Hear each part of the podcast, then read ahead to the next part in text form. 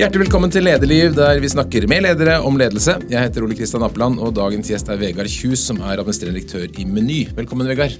Tusen, tusen takk. Dere ble jo hedret eh, i forrige uke med, for å ha et eh, bransjens beste omdømme i vår omdømmemåling. Gratulerer. Ja, det er, eh, det er stort. Slaget står jo der ute hver eneste dag, og alle matarbeiderne som møter kundene våre. Men det er klart, vi er ydmyke for sånne hedringer. Det er det er, gir positiv energi inn i hele kulturen vår, og det gir eh, positiv energi for alle som er glad i meny og, og god mat. Så det, det, takker vi for. Det er en slitsom bransje å være i. Det er en beinhard konkurranse hver eneste dag. Ja, det er 24-7. Eh, eh, altså du, enten så er du med i dagligvaren, eller så er du ikke med i dagligvaren. Og, og, og det, er noe som, eh, det er ikke noe sånn du bare skrur av bryteren.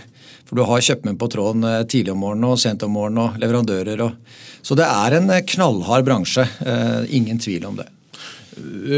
Alle kjenner jo til menyen, men kan ikke du si litt om størrelse? Hvor mange er dere, og hvor mange butikker? Vi har 185 butikker. For 2022 så landa vi på 20,5 milliard. Ca. 10% av markedet og en snittomsetning på butikkene på 110 millioner. Hvor mange jobber i Meny? Det er eh, med både heltid og, deltid og tilkallingshjelp, så er det vel 9400, eh, tror jeg. Fantastisk. Ja. Så det er mange som er glad i Meny og jobber i Meny. og Det er en viktig arbeidsplass. Og mange får sin første arbeidsopplevelse kanskje i Meny? Ja, vi har veldig mange som eh, ja, starter unge, går gradene. Jobber der i tilknytning til skolen og, og, får sin på en måte første bakgrunn. og Det er veldig moro. Mm. Og så har jeg mye foreldre også som tar kontakt med ungene sine. så ja. Veldig bra. Men I det siste har vi lest om, eller siste måneden har det snakk om dagligvarekrig og prispress. og det andre. Hvordan, har, hvordan, hvordan føles det ved fronten i dagligvarekrigen? Nei, det er, eh, det er eh, det er litt tøft å være i, i, fronten i dagligvare. Det skal jeg ikke legge slur på. Eh, Meny har hatt bak seg tre og et halvt veldig veldig gode år. Vi har vært vekstvinner høsten 2018-19, andreplass 20. Vi gjorde det kjempebra under pandemien. Og så møter vi da eh, når, når, forbrukeren går fra å spare penger da, til å forbruke penger, og, og, at strømkostnadene går opp og råvarekostnadene går opp, så, så, blir det jo litt mer bevissthet rundt uh, hva du velger å kjøpe. Og, og, da blir det litt tøffere. Og da har vi merka det litt den uh, siste tiden. Og så er jo det, Du er jo en del av, av Norgesgruppen. Dere er smarte fordi at uh, dere har jo Meny, som går etter en veldig lavprisposisjon, og som også ligger veldig høyt på omdømmelista til Traction. Og så har vi dere, og, der, og, Hos Meny så er det ikke pris det handler mest om, det er kvalitet. Nei, Vi skal alltid være konkurransedyktige på pris, så vi må aldri glippe på pris. altså så Vi følger veldig tett på alle sånne sensitivitetslister og og First Price er vel like billig som lavpris osv. Men vi tror jo på vårt DNA er jo mangfold og utvalg og matglede. Og tilby de ferske råvarene liksom fra frukt og grønten til ja, at vi steker brød i butikken, at vi tilbyr et mangfold på ost og, og, kjøtt og sånne ting. Det er liksom vår DNA, så det er der vi skal være best. da. Hvordan skal en handleopplevelse være i Meny? Du, Det skal være en eh, god handleopplevelse. Altså, Du kommer inn i butikken, du ser eh, skikkelig varetrykk. Eh, du blir glad av menneskene du møter. Du går gjennom der. Det oser litt av, av mat, og, ikke minst mye demonstrasjoner, litt smaksprøver og sånne ting. Da er det en veldig veldig god handleopplevelse. Og ikke minst så får du hjelp til middagen din. Flest eh, ja, De aller fleste de vet ikke hva de skal spise eh, nå. Det er ikke mm. sikkert du vet det akkurat nå hva du skal spise i kveld. Og, og da er vi et eh, verktøy for å hjelpe deg til å få en eh, god matopplevelse. Og så er det ganske imponerende som begynner å snakke med de som står og selger kjøtt eller fisk eller ost. De har, de har peiling? Ja, vi prøver å utdanne de så godt vi kan. Og vi har jo 100 nei, eller 1000 fagutdanna i, i Meny av disse 9500. Så vi jobber for å trene de på det de skal selge. Mm. Så det er en eh, Kompetanse er viktig i denne bransjen. Og det er jo noe som skiller oss eh, i forhold til de andre. Så det er kompetanse. Og vi må skape en merverdi. Uh, og, og, Derfor er det litt tøffere å kanskje være leder i Meny synes jeg, enn kanskje en lavprisbutikk. fordi vi har en fem-seks lavprisbutikker uh, rundt oss som jeg kaller smalsortiment eller lite utvalg eller begrensa utvalg. Og så, og så, skal det komme til oss da i forhold til å, å ta det valget. Går det an å si hvor mange prosent av befolkningen som har Meny som sitt første valg? Nei, du, det, det, klarer jeg ikke på, på sparket. Eh, vi er jo i de store byene, så vi treffer jo de fleste tett på. Det er sånn i Norge at du switcher litt i forhold til Vi har veldig mange lojale kunder. Men du switcher litt i forhold til uh, ulike handlemønster. Så nordmenn kjøper vel uh, fire ganger i uka i snitt. Uh, og, og, man switcher litt i forhold til handlesituasjonen. Da, om det er en helgehandel, storhandel eller bare en suppleringshandel. Mm. Og nå i påsken så er det liksom det å få den der store påskeaftenhandelen for eksempel, da, som er øh, målet deres? Ja, men alle, innenfor alle sesongene så merker jo vi at det, det, går jo jevnt oppover for hver eneste dag. Det er ikke én dag som er liksom den er påskedagen. For, for man beveger seg i ulike mønstre, og, og, og man tar liksom påskehandelen da, utover, mm. utover, flere dager. Og så jobber dere med å liksom gjøre spesielle tilbud på spesielle dager? Ja, altså det, er, eh, det, handler om å være attraktiv. Eh, og det handler om å, å, å finne konsepter som eh, kunden syns er attraktive. Et eksempel er jo Fisketirsdag, hvor vi ser at nedgangen på fisk det er, altså det er, det er, den er ganske stor. da, og, og, det er kanskje i snitt eh, maks eh, spises 1,5 måltid fisk i uka. Sånn at, og vi har en dominerende posisjon på fisk. altså Vi er størst på ferskfisk. Kanskje én av fire nordmenn bruker Meny som, eh, som fiskedestinasjon. Og Da handler det om at vi gir 30% på fisk på tirsdager for å lage det til en spesiell eh, anledning. Og Det ser vi har vokst enormt. altså Vi fikk jo 20% vekst med i volum med en gang. Og, og, og, det er ikke bare eh, eldre, det er alle aldre, så det tiltrekker seg veldig mye. Og ved at Pris er viktig, det er ingen tvil om. Og ved at vi bruker pris som et verktøy samtidig med kvalitet, så har det gjort at det har fått vekst. Og nå skjer det noe på onsdager òg? Ja, og nå ser vi jo at grønnsaker etter pandemien eh, har jo Da spiste jo man veldig mye hjemme, eh, og, og nå så, så, har jo grønnsaksvolumet dette litt. Og da tenkte vi at nå, nå setter vi i gang grønnsaksonsdag. Sånn at vi har ekstra tilbud på grønnsaker.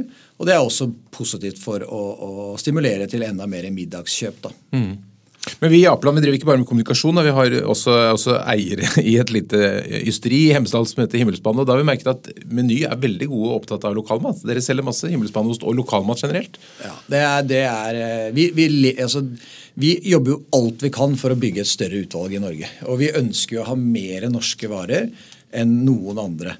Og i 2011 så vi, altså, sa vi at uh, da skal vi bli nummer én på lokalmat. Vi kalte det Matskatter. Vi satte i gang et program. Vi samla, vi eh, lagde et laug i Meny eh, som består av en som heter Espen Skjønning Lie, som fikk liksom det mandatet. Og hadde med seg da 20 av våre beste ferskvarekokker.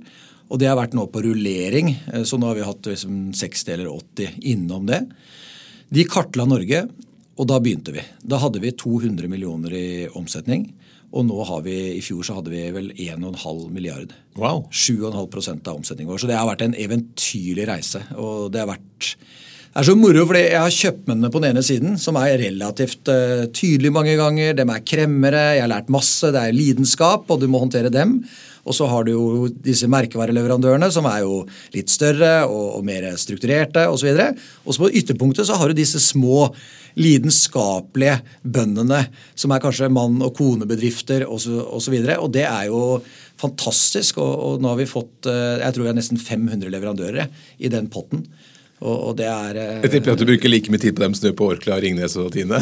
ja, jeg bruker, jeg bruker, faktisk eh, veldig mye tid på de.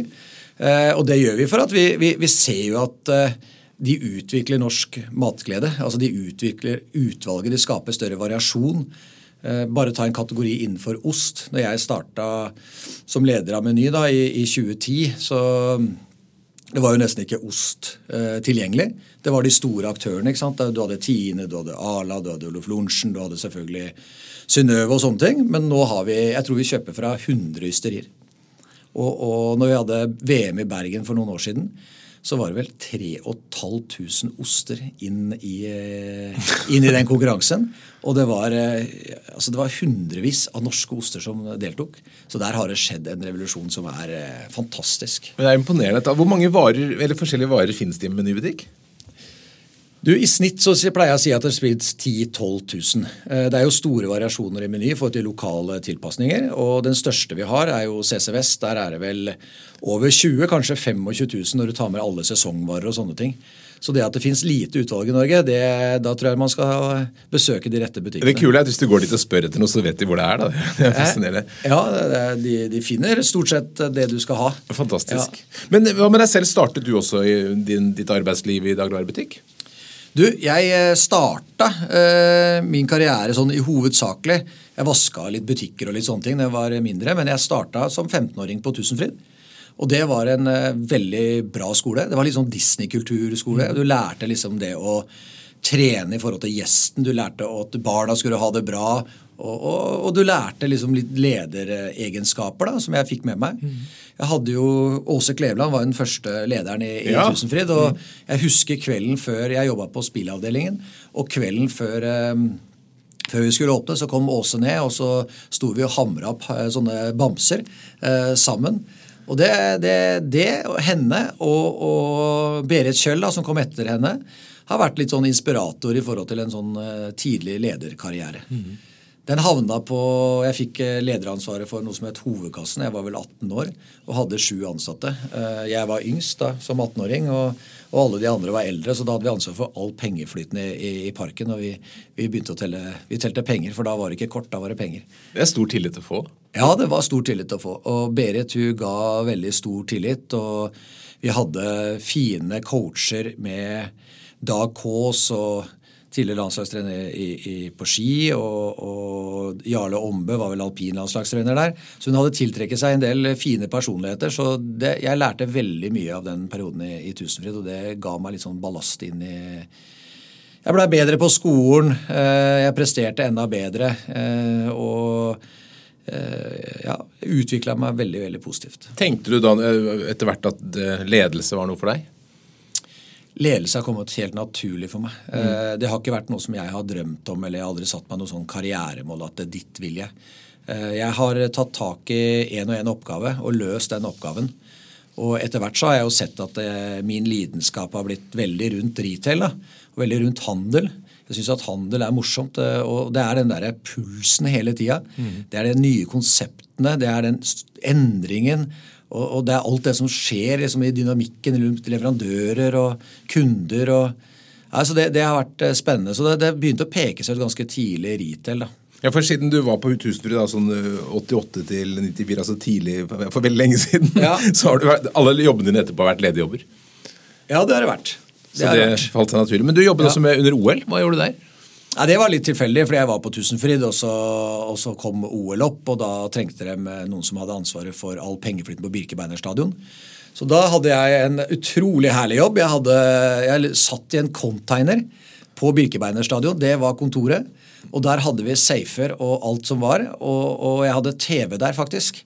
Så når, når, nå så vi på renna, telte kassaoppgjørene, ga liksom alle disse frivillige litt uh, litt vekslepenger. Og når Bjørn Dæhlie kom inn på stadion, så var det å løpe ut og ta med seg flagget og heie inn i mål. Og det var jo så mye gullmedaljer at det var eh, ja, det, var en eventyrlig opplevelse. Ja, Herlig. Men så kom du inn i, inn i Narvesen-systemet. Hva, hva, gjorde du der?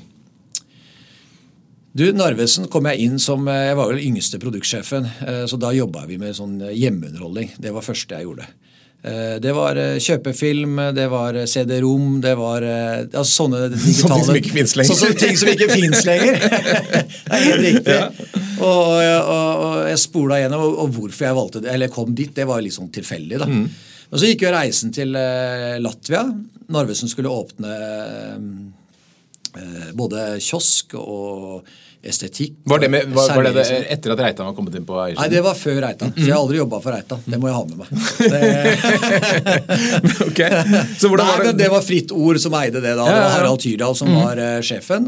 Og, og, det var veldig mange norske interesser som uh, etablerte seg i Latvia. Det var Stein Erik Hagen med Rimi. Og, og, det var Frank Warner med Warner-konseptet, og Atle Brynestad hadde jo Glassmagasinet. Og de kjøpte noen... Det var en periode hvor alle skulle østover? Ja, de kjøpte østover. lokale mm. sentre der nede. Og da blei Narvesen invitert ned, og min sjef da, han, eh, han fikk ansvaret da for å etablere det. Og, og, jeg var med der da som salg og marked og læregutt og skrev strategiplaner for hvordan vi skulle etablere. Det var veldig veldig lærerikt. Hva lærte du? Lærte mye om eh, forskjeller i kulturer. Eh, når vi kom ned dit i 91, så var jo akkurat Latvia mm, frigjort. Eh, det var veldig innestengt, veldig låst. Eh, alle kioskene der nede var jo sånn at du sto bak nesten gitter med Nesten som du sto i fengsel. Mm. Og, og, vi åpna jo opp og lagde åpne butikker som du kunne gå inn i.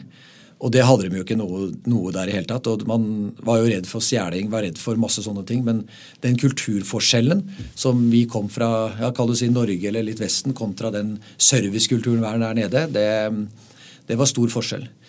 Men latvierne er fantastiske folkeslag og, og veldig hardtarbeidende og veldig fine folk. Så det var Jeg lærte mye om kultur og lærte mye om eh, at det er store forskjeller. Selv på korte avstander. Baltikum er ikke veldig langt fra, fra Norge. Og så ble det Meny? Så ble det Meny. Um, han som var styreleder i, i, det lat, nei, ja, i, det latviske selskapet, han ble leder av Meny. Og han ville ha noen som uh, skulle jobbe med utvikling. Og da takka jeg ja til det. Um, aldri angra. Det var en uh, periode hvor uh, Meny var da 100% bestående av frittstående kjøpmenn. Eh, det var to år før Norgesgruppen ble stifta, i 2000. Og vi jobba da med å utvikle neste generasjon med ny konsept som ble lansert 2.2.2000. Da kjørte vi workshop med kjøpmenn, da kjørte vi workshop med leverandørene, kategoriprosjekter, og lagde det. Og lagde egentlig mye av eh, grunnstammen da, i forhold til Meny. Meny var jo stifta i 92, så de var jo da mm, seks år. Men eh, det var første gang vi liksom strategisk begynte å jobbe for å få en Og Det er jo spennende. Eh, hvordan, hvordan jobbet dere da for, liksom, for, å skjønne hvordan fremtiden skulle se ut? Hvordan jobbet dere med det? Nei, vi, vi, vi eh, hadde de beste kjøpmennene på laget. Det var en som heter Sju Gran. Jan Magne Borgen. Det var Knut Hage. Det var Eller Knut Hage kom inn litt senere. Mm. Det var han Sverre Lorentzen. Eh, ja, det var mange av de skjeggere, Skjeggerød, uh, Finsrud, altså de sterkeste kjøpmennene egentlig i Norge. Mm. Persen. Så satt vi de, og så jobba vi uh, i grupper. og jobba liksom, Hva er viktig i forhold til drikkeavdeling, hva er viktig i forhold til frukt- og grøntavdeling. hva er viktig sånn, Og så la vi opp en strategi i forhold til det. Og så hadde vi også titta litt og reist litt, litt i utlandet, mm. sånn at vi fikk litt impulser og, og, satt på en måte det strategiske grepet for å posisjonere oss. Da. Hadde dere noen forbilder fra utlandet? Noen kjeder du skulle ligne på? Det har blitt litt sånn underveis. Eh, forbilder, ikke forbilder. Jeg studerte jo i England. Eh, studerte i Leeds. Handla vi veldig mye på Morrison. Syns jeg var spennende. Eh, Yorkshire Jeg kjenner ikke Morrison. Hva var det? Nei, Morrison er et eh, tradisjonelt supermarked. Veldig store ferskvareavdelinger. Eh, veldig vennlig kultur. Veldig serviceorientert kultur. Og så Etter hvert så studerte jeg i London, og, og vi hadde jo da hadde jo Waitrose som vi handla, og så Sainsbury og alle disse andre kjedene. Men jeg, jeg har brukt um, Jeg bruker veldig mye min tankegang for å hente inspirasjon. Så hvert år så deler jeg ledergruppa. Vi er uh, sju stykker. Så deler jeg ledergruppa inn i sju. Og så plukker vi ut uh, hvor er det vi skal reise hen. Og så har vi da på løpet av to til tre dager så får hver et mandat til å reise til et sted. Uh, og da ta med seg en liten gjeng. Sånn at i løpet av, Da reiser vi på mandag, så er vi tilbake på torsdag eller fredag så tar vi en oppsummering. Mm. Fordi du klarer ikke å få overblikket. Uh, og Du blir også litt sånn eh, lei når du går på studieturer, for det holder, å se liksom en fire-fem butikker. For da får du metningspunkt. Mm. Men med den metodikken der så har vi liksom klart å Da får du besøkt eh, ti land. Eh, du får sett en 20-30 butikker. Og vi får gjort en oppsummering på hva er det vi så. Hva er det læring av det vi så. Mm. nå har det vært pandemien, og nå har det vært, har det vært Eh, ikke så mye reising. Eh, og vi har også bevega oss litt mer på den, den, eh, relasjonen i forhold til at vi har veldig tett samarbeid med danske markedet Vi har 120 menybutikker i Danmark som vi fikk opp. Og vi har et tett samarbeid med Hemkjøp i Sverige. Og vi har også et samarbeid med Supervalue i Irland. Så jeg har prøvd å, liksom, å gruppe det litt ned. da, mm. eh, Også mikro. så det, Jeg kan ikke si at det liksom er én kjede. Eh, vi har sett, eh, som alle andre, alt i Spania fra Mercadona til i Tyskland til i England til og sånn. Og jeg er kanskje den som har sett veldig veldig mye i Norgesgymmen. Hva er det du ser på når du kommer til en butikk? Jeg ser, på, jeg ser på varene. Eh, jeg ser på hvordan de bygger opp det. Eh, jeg ser på hvordan de plasserer og tenker. Jeg ser på hvordan mekanismene er i butikken, hvordan folk er, hvordan uniformen er. Eh, altså det, Alle disse små detaljene mm. som gjør at det blir en eh, positiv handleopplevelse. Så det er ikke én ting eh, som Men kan du si noen, Er det noen trender? Hvordan, ser, hvordan tenker du dagligvarebutikken vil se ut om ti år i forhold til hvordan den er i dag? Eh, det er vanskelig å spå om ti år. Det er vanskelig å spå, det er vanskelig å spå. Men det er jo en, du ser noen strømninger. Ja. Du, du, må jobbe med kundene dine. Eh, du må jobbe med å forstå kundene og hvor kundene vil. Og det er Norgekjøpen når vi har vært flinke med å jobbe med kundene fra tidlig i morgen med, med utbrytere fra Dunhumby til at vi har bygd opp Troms-systemet og til at vi har trackere, ukentlige trackere. Eh, så vi, vi, vet ganske mye om kunden. Mm. Vi vet ganske hva kunden vil ha, hva kunden foretrekker. Så, så der ser vi litt inn i glasskula. Og så ser vi jo så, så vet ikke kunden selv hva som er framtiden. Sånn at vi bygger jo på eh, både teknologi og, og, og kundeopplevelser og, og, bygger ut avdelingene. Mm. Nå lærer vi veldig mye fra restaurant også på hvordan det fremtidens meny skal være. Skal det være helt råvarebasert? Tidligere så var det jo råvarebasert basert på at du lagde maten din fra scratch. Jacobs er et godt eksempel som vi også håndterer. De har jo mye mer råvarefokus. Da skal du lage det helt fra scratch. Da er det gourmetkokk. Mens Meny beveger seg litt mer i retningen av måltidsløsninger. Det at du kan få lasagne eh, varm mm. og med, med, salat. Eller at du kan få kylling og en cæsarsalat varm. Litt mer i den retningen.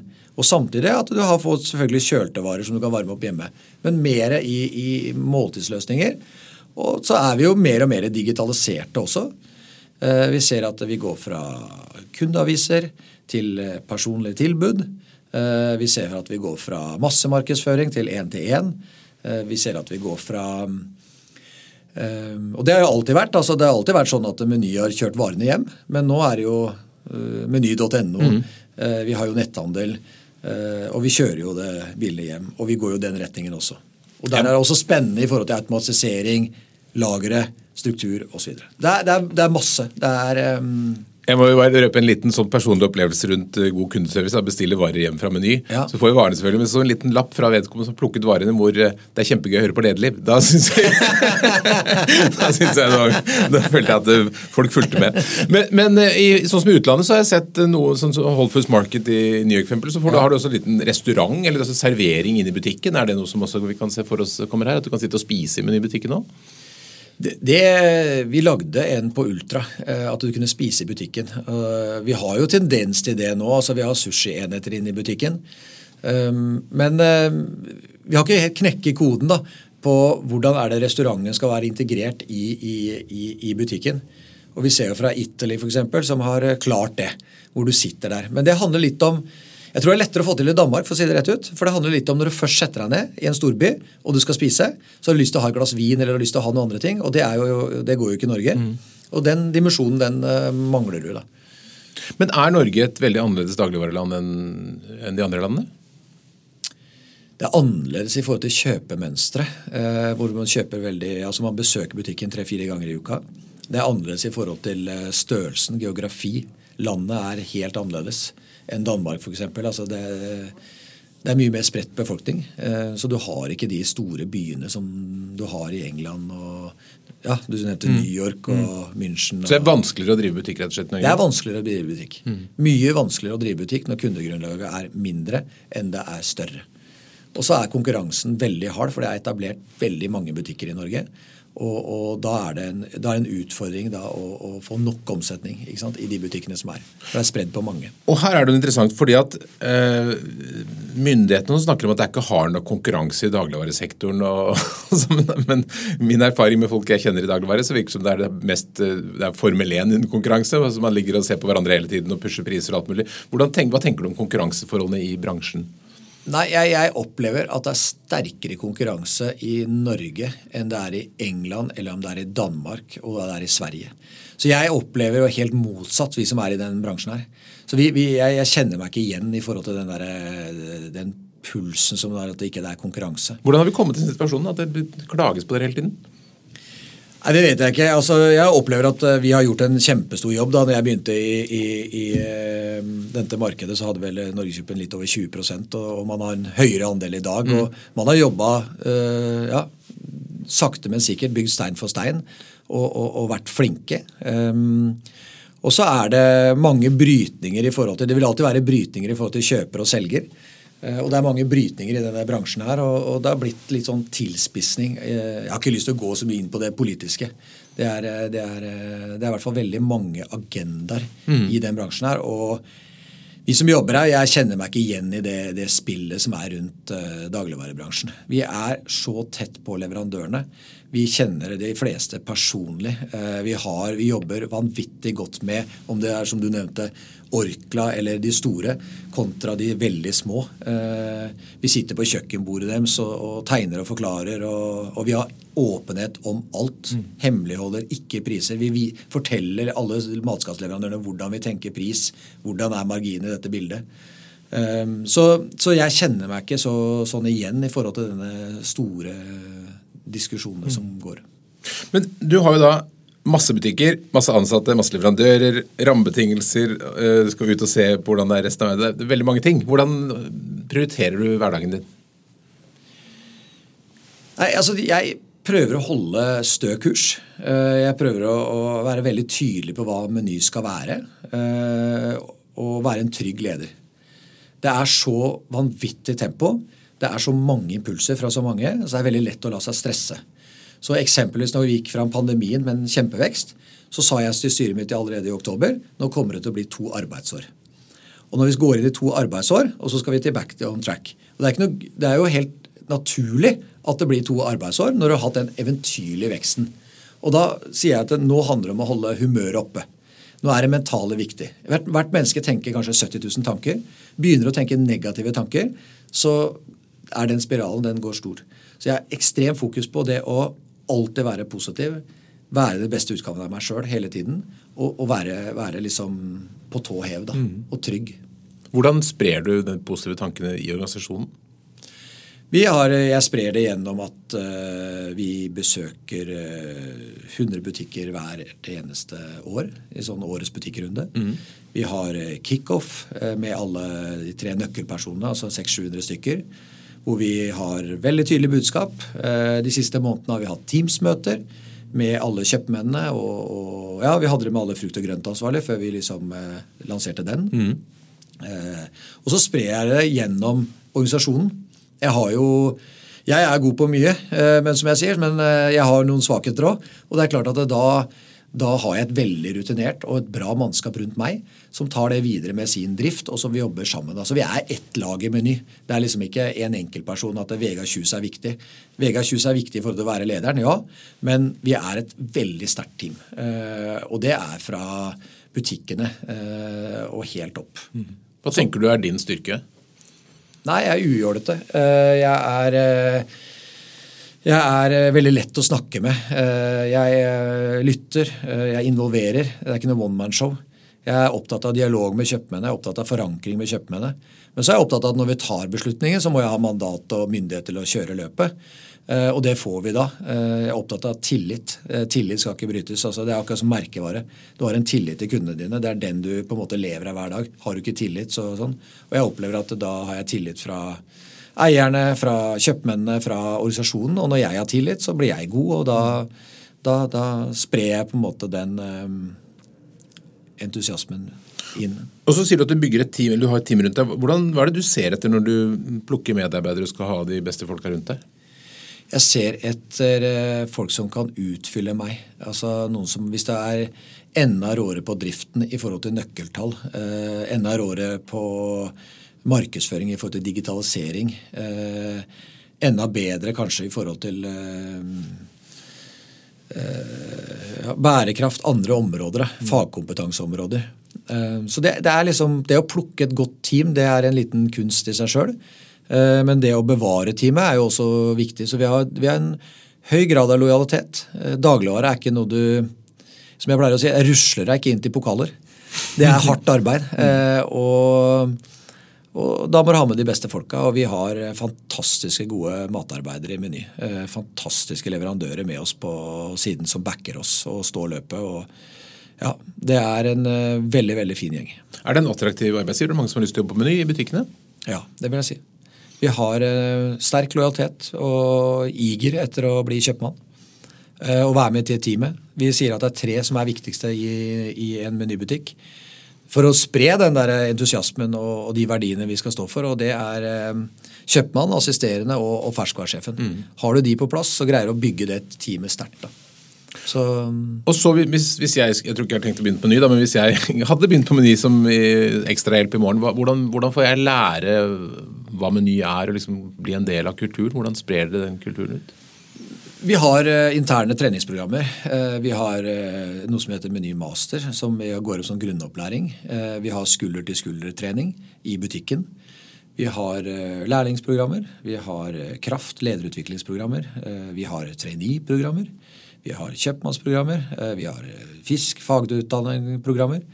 Vi har at du kan eh, være med i NM på sjømat. Altså, vi har masse sett av virkemidler for at vi skal ta vare på folka våre og utvikle folka våre. Og Det er jo litt forskjellen mellom smalsortiment kontra oss. Altså De har en to-tre ansatte i butikken, og vi har ja, vi har noen av de store har vi jo liksom 50, vi har jo 200 ansatte oppe på, oppe på CC Vest. Mm. Mm.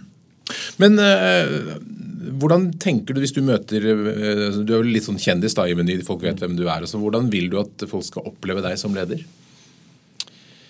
Eh, jordnær, til å stole på. Raus. Gir tillit. jeg er uredd.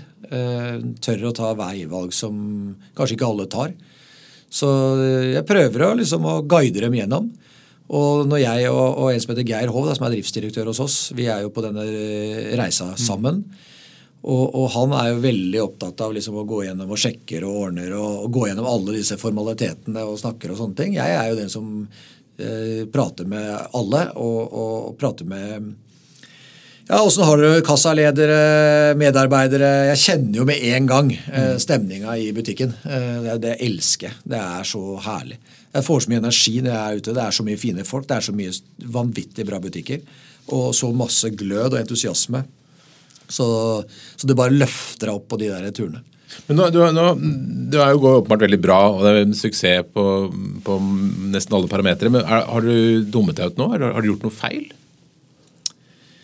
Vi har gjort feil. Altså, når vi lanserte Meny så, så i andre andre, så skulle vi bare kjøre historiefortelling, og vi skulle kjøre faste, lave priser, og vi skulle ikke kjøre tilbud og sånne ting. Det stoppa jo helt opp. Eh, åtte uker var for kjøpmennene var ja, relativt utålmodige, og vi måtte tilbake igjen med å kjøre tilbud og, litt mer gammel tradisjon mm. på skinkesmerket. Så tilbud må man ha i en god butikk, altså? Ja, det er attraktivt å ha gode priser. Mm. Eh, pris går aldri av moten. Samtidig så er kvalitet går aldri av moten heller, og det å kose seg går aldri av moten. Og, så det er mekanismer som Ja, jeg har tatt dumme valg, jeg også, som sikkert eh, alle har gjort. Eh. er det noen spesielle opplevelser i din lederkarriere som du tenker har formet deg som leder? Tenker at der skjedde det en forandring? Det er jo det er mange episoder. Det var den episoden rundt Tusenfryd. Det forma meg.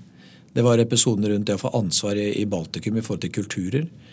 Eh, det var eh, den runden jeg tok ansvaret for Shell, eh, Shell Fresh. Det var et konsept som, som vi utvikla. Shell skulle outsource sine måltidsavdelinger. Og så hadde de jo masse sjokolade, masse sukkervare, masse ting som var, var rundt kassa. Så at her skal vi bare bygge måltider, for det skal vi bygge. Vi klinka til med å prøve å sunne måltider og pølser og noe av de andre. De sunne måltidene. Vi testa og testa og testa og testa. Det var ikke på forbrukerens eh, agenda. Det gikk tilbake til gode pølser og til burgere og til pizza og de der tradisjonelle. Det var så vondt og vanskelig å endre de handlevanene. Men øh, det forma meg litt i forhold til det der at du det er veldig lett å prate om trender og prate om sånne ting, men man kjøper veldig få varer i Norge. Og man er veldig tradisjonsbundet. Vi hadde en periode med Carrefour. Eh, vi hadde, da var jeg som prosjekt, fransk kjede. Fransk kjede. Mm. Vi hadde noen, testa noen Champion-butikker, så supermarked, deres supermarked inn i Meny. Eh, jeg fikk også ansvaret litt seinere på å dra opp som prosjektleder for Carrefour hypermarked. Det blei besluttet at vi ikke skulle gjøre. Eh, lærte masse av den franske kulturen. Eh, de hadde 5000 innkjøpere i Paris. Det var jo svære som Det var, det var et stort selskap. ja. Eh, nei, så det er, det, er, det er, mange sånne mm, på en måte læringer underveis. da. Eh, og ikke noen sånn kjempeenkelt episode som jeg ja, kommer på akkurat her. Mm. Mm. Hva syns du er vanskelig i den jobben? Er det noe du grubler mye på? Det, er, det, er, det, er, jo vanskelig når eh, når ikke liksom bare når, når alt er i flyt, og topplinja er der, så er det jo ikke noe problem på noen ting. Men når du butter litt på topplinja, så er det, er det litt mer eh, en utfordring. Og nå vi, merker jeg at vi er ordentlig tilbake igjen da, de siste tre-fire ukene. Men klart, når det kommer sånne prisdel som var første rundt 1.2, så merker vi også en liten dropp. ikke sant? Men det som er viktig i en sånn situasjon, da, det var jo sånn som jeg sa innledningsvis, jeg var veldig bevisst på at etter pandemien, når vi har hatt en så kjempevekst, at folk vil tilbake i samfunnet. Eh, det er andre vei, valg du vil ta. Og da handler det om å eh, ja, stå løpet. Mm. Stå løpet. Fordi vi har, vi har 70 eh, av våre butikker er på kjøpesentre. Der har vi kundevekst. Frittstående har vi litt nedgang. Det er bare noen få prosenter. Men folk handler litt mindre. Og det er jo helt naturlig. Fordi bedriftene var jo eh, stengt ned. Kantinene var stengt ned. Alt var stengt ned. Og nå, og nå, og nå handler det om å få i gang handelen igjen. Mm. Når har du det mest gøy, da, når du koser deg mest i jobben? Det er når eh, jeg er sammen med folka mine. Mm. Når vi har eh, Ja, jeg nevnte det. Og denne Årets butikkrunde er fantastisk. Kickoff. Vi har eh, alle kjøpmennene, og alle er sammen. er fantastisk. Jeg liker Vi har markedsrådsmøter, styremøter. Jeg liker når vi er tett på. I dag har vi et styremøte med Helge. Mandag hadde vi et styremøte med CC Mat og Knut Hage. Mm. Og da få inspirator fra de som ja, begynner å bli litt eldre oppe i, i gardene. Vi må holde DNA. Vi må ha fersk lam til påske. Vi må jobbe med å endre Nortura for å få mer fersk lam. Jeg syns alle disse øyeblikkene, den derre pulsen, da, koser jeg meg. Det er eh, Jeg koser meg. Vi skal bruke, bruke, ta en liten sånn forbrukerrådgivning her. Da. Hvis, du tenker, hvis du tenker deg i en velassortert uh, butikk, ja. hva slags varer vil du anbefale som folk kanskje ikke plukker til vanlig? Vil du, vil du trekke frem noen sånne godbiter som ikke folk er oppmerksom på i hyllene til Meny? Noe jeg er stolt av, er jo Angus-prosjektet. Hva er det? Det er, øh, det er kjøtt. Marmonert, veldig godt kjøtt. Angus er kanskje den beste rasen da, som er i verden. Dette er jo kokker som mener noe om. I 2011-2012 så sa vi at uh, kjøtt i Norge er helt likt, så vi må få en bedre spisekvalitet. Um, da satte vi i gang med Prima Jæren først. Et Angus-prosjekt for å få dyrka Angus norsk angus. Mm. Den rasen. Og nå har vi med Nortura og Tine. Jeg tror vi har 1500 dyr jeg nå med på laget. Mm. Altså over 500 bønder. Mm. Og, og, det at vi har klart å få anguskjøtt, både bearbeida, angusburger eh, og forskjellige stykningsdeler, det har vært en eventyrlig reise. Og reisen er, er, og det kjøttet er veldig bra. Og det er ikke bare sånn vi klarte ikke bare indrefilet, entrecôte og de der. Vi måtte liksom få andre stykningsdeler, for vi må mm. selge hele dyret. Så det, det, er en... Så det må i vogna? Angus må i vogna. resten, da? Nei, ost, ost må i vogna. Mm. Um, ja, vi snakka om eh, himmelspannet. Ja, det er en god ting. himmelspannet var en god ting, og Janne og de, de, gjør en kjempejobb og har fått masse medaljer. Men den jobben Kraftkar har gjort, den jobben vi har hatt med Valdresmeieriet, Eh, hele veien. Altså Nå er det så mange varianter av også ost må inn. Og der mm. har du eh, bør ikke nevne alle navnene, for det er masse godbiter. Um, du bør ha stekt brød fra United, som vi har. Vi har bygd opp eh, stekt bra United fra scratch. Og, og du bør ha grønnsaker. Eh, vi har, eh, Før så importerte vi franske delikatessepoteter. Nå får du delikatessepoter fra Bjertnæs og Ol fra Nøtterøy. Eh, kjempebra. Mm. Eh, hvis du klarer å få hvit asparges når det er i sesong, så er det norsk. Så er det veldig bra. Nei, så Sånn kan du gå rundt. da. Massevis av god øl? Jacobs utvalgte. Mm. Øl var en veldig tidlig trend. Masse god øl, masse lokalmatøl. Det blei krympa litt ned, men nå er det jo igjen virkelig masse entusiasme rundt øl. Og, og ja, Jacobs utvalgte, du har eh, masse lokalmatskatter, du har masse merkevarer. Det er, eh, det er så mye godt. Kjenner, jeg blir litt sulten der. Og du har produkter uten, og, uten sukker. Og du, har, du, har, du, kan spise sunt, du kan kose deg. Det er, det er mange varianter nå. Og innenfor sjokolade, som vi ikke skal snakke om det, nå er det jo påske. Det er jo så mye bra varianter i forhold til alle disse miksene de gjør med ulike smaker og ulike varianter, at det er eh, Nei, det er eh, veldig, veldig mye god mat i Norge. Det er det ingen tvil om. Helt til slutt, Vegard Kjus, hvis det kommer en ung person til deg, kanskje en som nettopp har begynt i, i menybutikk, da har lyst til å bli leder, hva er de tre viktigste lederrådene du vil gi? Det vil å tro på deg sjøl. Jeg må jo gi dem tillit og være raus og, og veilede og coache, men eh, det å bli leder, det, da må du jobbe hardt. eh, Være positiv. Det mentale tror jeg er veldig viktig. Og, og ja eh, Ha godt humør. Det er det viktigste, tror jeg. Veldig bra. Vegard Kjus, tusen takk for at du kom til Lederliv. Tusen takk for at jeg fikk komme.